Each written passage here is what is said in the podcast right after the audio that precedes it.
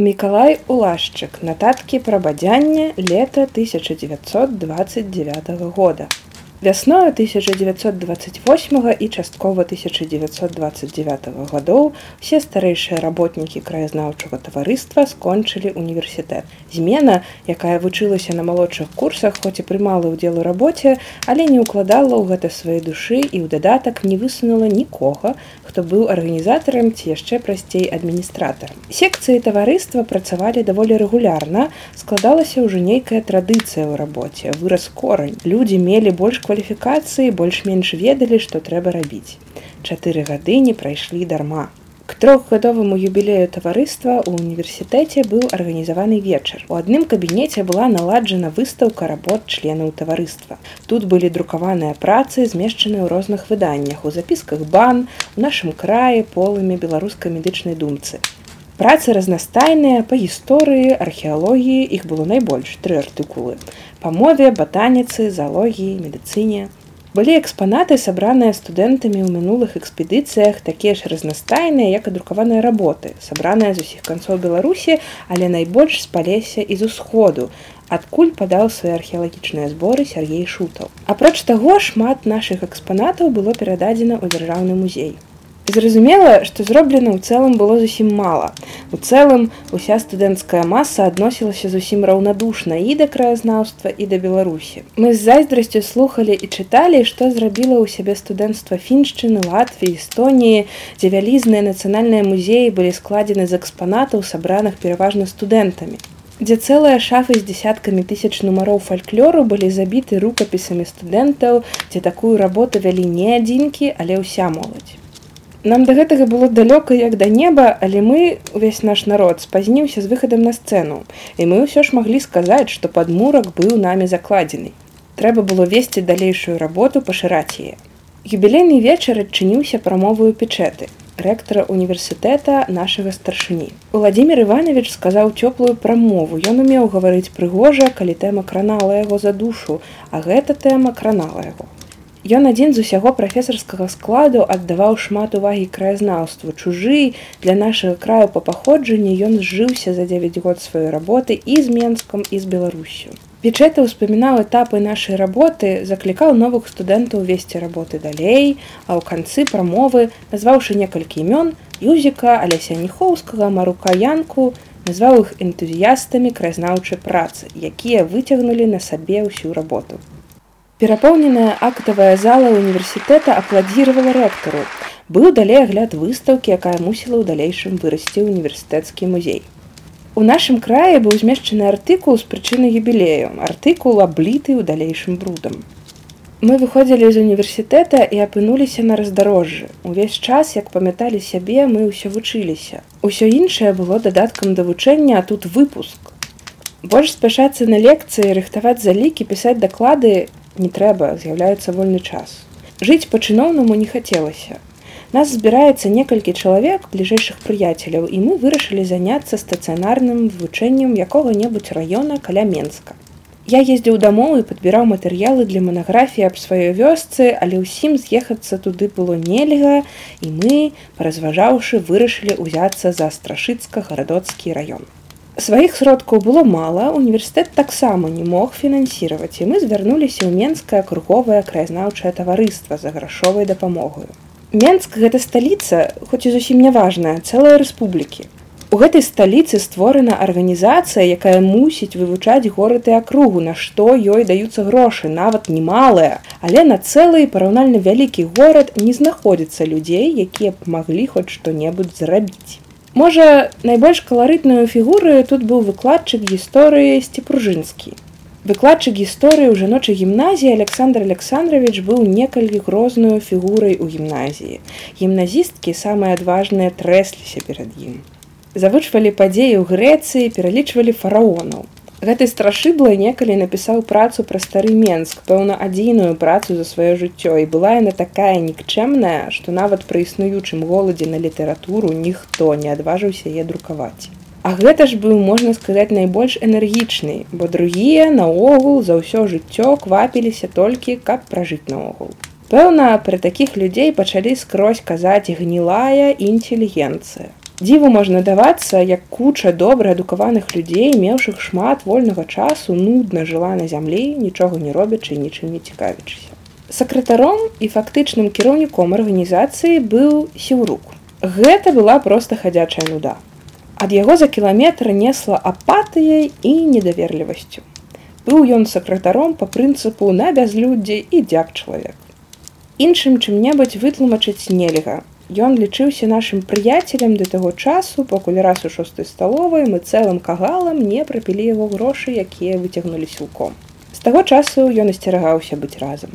Вось да гэтага начальніка мы пайшлі вясною 1929 года з юзікам з прапановы. У вас ёсць грошы, патраціць іх вы не можаце, бо у вас ніхто не хоча не умее працаваць. Мы будзем працаваць, але ў нас няма грошы. Перадайце нам свае сродкі і мы вам дадзім манаграфію. Вы будете аплочваць нам дарогу і даваць крыху сутачных. Сіўрук глыбока задумаўся і, не змоўшы вырашыць зараз такое пытанне, адклаў на пэўны час. А нам выдаў на адну паездку. У далейшым мы грошы ад яго так і не атрымалі. Гэта ён растлумачыў так. Улашчыку я б яшчэ даў ён больш спакойны, але ў юзіка вочы так і бегаюць, так і бегаюць. Ведаю, што зробяць хлопцы, але даць грошы юзіку, а асцерагаюся. Першая паездка нашего страшыцкі гарадок адбылася ў сярэдзіне мая. Быў халодны маёвы вечар, калі мы садзіліся ў аўтобус на пляцы волі ў Менску. Усю дарогу да гарадка, покуль нас кідаў аўтобус, расказвалі пасажырам гісторыі, ад якіх публіка спярша дзівілася, а пасля рагатала. Прыехалі на месца ўжо ўночы. Ісці трэба было, зразумела, у школу, бо краяведы іншага прытулку не маюць. Ты і загадчык школы, як водзіцца старшыня тутэйшага краязнаўчага таварыства. Настаўнік, каротенькі, немалады ўжо чалавек спаў, калі мы пачалі грукаць яго дзверы. Разабраўшыся, у чым справа, ён вырашыў, што зараз найразумней легчы спаць, а заўтра ў дзень можна будзе што хаця рабіць. Ноч рабілася сіперная, у нас былі толькі макінтошы. Адзін лес, як чалавек больш сталы, узяў сваё паліто, якое ўжо некалькі год дакляроўваўся ўтапіць у рэчцы за яго старасць. Каб мы не змерзлі, настаўнік даў кажух, шыты відаць на нейкага старадаўняга волата, бо нават калі я папробаваў апрануць яго, то крысы кажуха шырока звісалі на падлогу. Шырыні ён быў адпаведны. У дадатак да кажуха была яшчэ гонька. Спаць нас павялі ў камору, дзе стаяла старая канапа і вялікая скрыня. Мы з юзікам ляглі на скрыні, алесь на канапе. Па-брацку падзялілі адзенне, кажух узялі сабе, а ў алесе засталося паліто, гонька і ўсё іншае. На тое, каб спаць было весялей, Юзік расказваў з дзясятак прыгод жыцця алеся, якія тут жа выдумаў. Той толькі бурчэў і ўрэшце захроп. Слухаючы адзінацатую гісторыю, як ён магутны алесь, выкручваў калісь адною рукою вялізныя рабіны з коранем і кідаў іх у бок адною рукою. Гэта быў вольны пераклад прыгоды ў рылаўшчыне чатыры гады назад. Назаўтра дзень быў халодны і мокры. Мы падзякавалі гаспадара за начлег і кажух пайшлі аглядаць мясцовасць. Яшчэ з акна кінулася ў вочы гарадзішча на беразе маленькай рачулкі, далей быў лес і за поплавам палац хмары. Былога уласніка астрашыцкага гарадка. Трэба было азнаёміцца з мястэчкам прайсці па вёсках, каб мець уяўленне папярэдняе хоць аб агульным выглядзе раёна. На першы дзень хапіла самого гарадка і яго ваколіц. Старасведчына тут удала спалучалася з сучаснасцю. гарадзішча з трох бакоў абкружана возерам. Возера новае. Створанае яно пасля таго, як рачулку загарадзілі грэбляю і паставілі на ёй электрастанцыю. І зараз гэта маленькая рачулка асвятляе гарадок. На вуліцы гарыць ліхтар у хатах блішчаць электрычныя лямпачкі. Хлопец-механік, які відаць моцна ганарыўся сваім чынам, заклікаў нас у электрастанцыю. Для найбольшага эфекту ён скруціў папяросу, уключыў рубільнік і калі адтуль пыхнула блікатнае полымя з шыкам закурыў ад электрычнасці папяросы. Было чым ганарыцца. Зрабілі кароткі агляд гарадзішча, а пасля пайшлі ў палац хмары. Хмары былі некалі менскімі ваяводамі яшчэ за часы рэчы паспалітай. У замку некалі быў цікавейшы архіў, у большай меры ён загінуў, у меншай паспелі вывесці ў Менску дзяржаўны архіў. Зараз у палацы знаходзіўся дом адпачынку. Дробны дожджык сыпаў самая раніца. У садзе дома адпачынку некалькі мокрых адпачываючых не ведалі, што ім рабіць з сабою. Я з жахам глядзеў на дом адпачынку, як на гіблае месца, дзе пануе нуда, а людзі знаходзяцца ў становішчы кормных япрукоў. Мая гіпотэза тут нібы апраўдвалася. У маленькай бібліятэчцы гарадка на паліцы кніг менш, чым у мяне асабіста. Бібліятэкарка немаладая яўрэйка з сярдзітым тварам, нервовым крыклівым голасам і такімі ж нервовымі рухамі. Скрозь піў бруд. У бібліятэчцы быў толькі адзін чытач, хлапчук год 15. Ён перабіраў кнігі, пробуючы знайсці што-небудзь такое, што б можна было чытаць, але зрабіць гэта было нялёгка. Тут былі кнігі серыі сялянская бібліятэка, як каваць каня, свіння, скарбніца гаспадара, ураджайнае свята і гэтак далей. Мы, зразумела, пачалі гутарыць з гэтым хлапцом. Ён, наказваецца, перачытаў усё, што можна было тут дастаць з беларускай мастацкай літаратуры і зразумела, найбольш падабалася новая зямля Якуба колас. Гэты хлапчук, апрануты ў гарнітуру з дамовага шэрага сукна, літаральна глядзеў нам у рот. Мы былі для яго яго ўласную будучыню. Пэўна, здаваліся бязмерна вучонымі. Хлопец хадзіў услед за намі скрозь, дзе мы не шлі і распытваў, што і навошта мы робім. Ён скончыў мясцовую семігодку, але на далейшае ў бацькі не хапала сродкаў. Гэта была наймалодшая змена беларускай інтэлігенцыі ў вёсцы. Ужо на віцкаўшчыне я бачыў, якія змены поглядаў адбыліся асабліва ў моладзі. Шляходская ці блізка шляходская моладзь віцкаўшчыны і бліжэйшых хутароў, засценкаў, некалі скуры выраблялася, каб гаварыць толькі па-руску.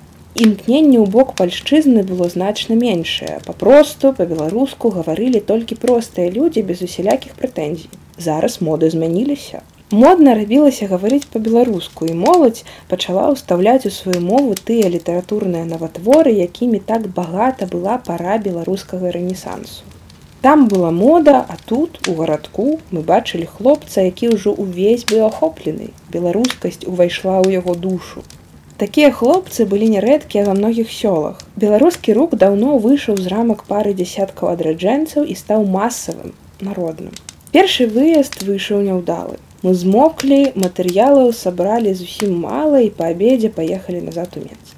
Далейшыя паездкі нашы ў гарадок затрымаліся. А круговае таварыства грошай не давала, а мы спынілі паездкі. Толькі пад восень зноў трох вырашылі схадзіць на высую гару, лагойск, халяўшчына. Гэты раз усё падарожжа было пехатой. Толькі ў мяне час быў абмежаваны і з-за мяне трэба было спяшацца. На лысую гару выбраліся па абедзе. У краме закупілі булак, кілбасы, вялізны кавун. Вырашылі ісці, не трымаючыся дарогі, але проста ў пэўным кірунку. Каб гэтага кірунку не страціць, алесь узяў свой компас. Мы мінулі татарскую слабаду, прайшлі весялоўку месца нашых універсітэцкіх маёвак і перабраліся цераз свіслач. Наша сталічная рака, як вядома, глыбінёю не вызначаецца і перабрацца цераз яе можна лёгка падкасаўшыся. Каб не цягнуць з сабою вялізны цяжкі кавун вырашылі яго з'есці. Кавун, аднак, быў сярэдзіне такі ж зялёны, як і знадворку.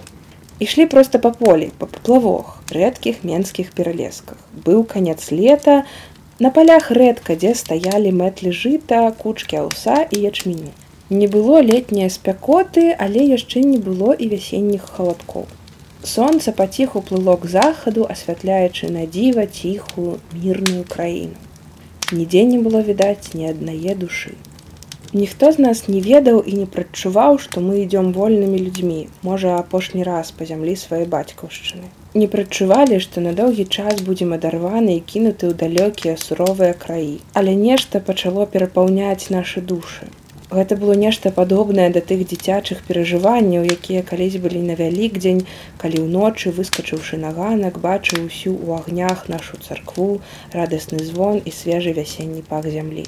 Нешта падобнае перажывалі ўсе трое на маленькім лужку які зарос густою шаўковым мягкую травою спыніліся на падвячорак і каб разрадзіцца пачалі куляцца дурэць ганяцца адзін за другім І толькі калі селі есці успомнілі, што не шкодзіла б мець крыху гарэлкі, каб сладчэй ішла кілбаса з хлеба. Начаваць прыйшлі ў паперню.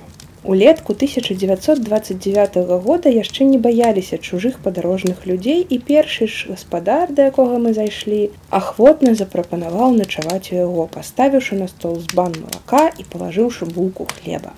Хата невялікая, чыста прыбраная. Дзве дарослыя дзяўчыны, дочкі гаспадара, відаць, добра увіхаліся, каб навесці парадак. як непадобная, як раскошная гэта была хата, хата беднага селяніна з-пад Менска ў параўнанні з палескімі хатамі. Сам гаспадар цікавіўся менскімі навінамі і ведама ў першую чаргу пытаннямі зямельнымі і падатковымі. Назаўтра, з'еўшы добрую патэльню яешні, рушылі цераз беларучы на лысую гару. Лысая гара як найвышэйшы пункт беларусі пра што напісана ў падручніку смоліча зразумела прыцягвала да сябе ўвагу. Мясцовасць калі ісці да лысай гары прымае ярка характар канцовыя марэны высокія стромкі ўзгоркі гурбы камення валуноў ад дробных да цэлых глыбаў шэрага цяжкога камення. Каменне не толькі на ўзгорках як у нас у самахвалаўшчыне але і скрозь на поплавах. Межы паасобных гаспадароў выкладзены гэтым каменнем Цэлыя горы камення скіданы ў крушні, каб не мяшалі араць. Унізе з-пад узгоркаў б'юць крыніцы. Дарогу ўвесь час то ўскоквае на ўзгорак, то спускаецца ўніз. На вяршыні большасці ўзгоркаў расце лес. Вясёлая мясцовасць, але цяжкая для земляроба. Плуг тут скрозь натыкаецца на камень.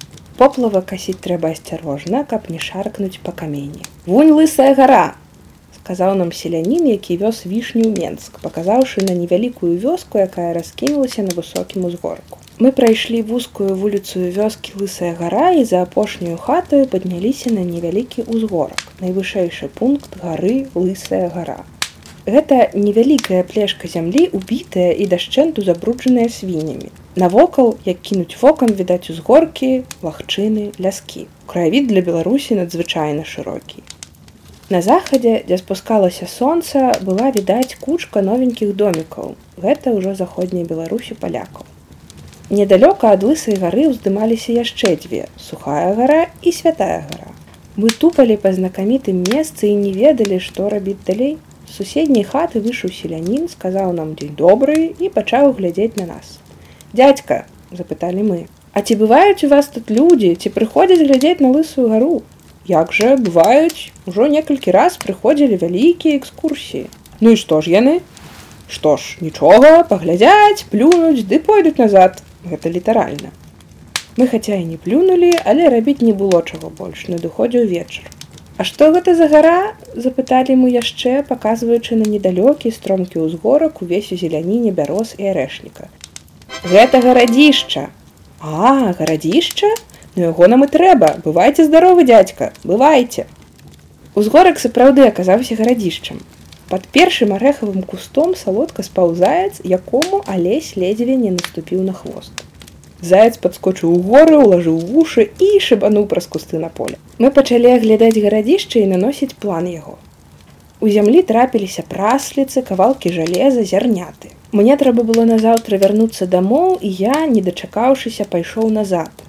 Позна ўночы зморанай быў дома, а алесь з юзікам пайшлі ў недалёкую адсюль гайну, дзе алесь некалі быў настаўнікам і дзе, як ён казаў, амаль усё насельніцтва былі яму прыяцелі. Блукаючы па ўзгорках і лагчынах у поцемку, трымаючыся арыентацыі па компасу, неяк дайшлі да гайны і пайшлі проста да найлепшага прыяцеля, які ўжо некалькі гадоў нудзіўся, што не бачыў алеся. Далейшыя падзеі падаваліся ў вольнай апрацоўцы юзіка. Эх, брат, і вып'ем і закусім і адпачнем у яго, расказваў галодны алесь галоднаму юзіку. Ён раней, як увечары заўтра нас і не пусціць ад сябе. Мы з ім пражылі два гады, душа ў душу. Было ўжо позна, у мястэчку пагаслі агні, калі прыяцелі дабраліся да месца. Чакай, вот тут, сказаў алесь і загуркатаў у шыбу. Хто там? запытаў гаспадар, адчыняючы в акно. Добрый вечар, я ўхім, гэта мы прыйшлі да цябе ў госці. Госці, А хто ж вы будзеце? Што, хіба ты мяне не пазнаў? Я алесь каваленя. Алесь каваленя, Хто ж бо такі алесь каваленя, вось ніяк не прыпомню. Дзе ж вы мяне бачылі? Як дзе бачыў, я ж быў тут настаўнік, жыў у вас, жылі ў мяне, калі ж гэта было?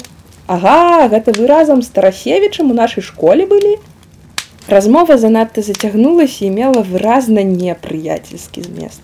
Гаспадар пазяхаў, дзівіўся і ніяк не хацеў клікаць прыяцеляў да сябе начаваць. Скончылася ўсё гэта тым, што гаспадар сказаў дабранач і зачыніў в акно. Ісці начаваць у Менск было далекавата. На шчасце напаткаўся яшчэ адзін прыяцель, ужо не такі блізкі, які прыпомніў адразу алесе і паклікаў на начлег. Гэта падзея надоўга ўвайшла ў фонд анекдотаў нашай грамады.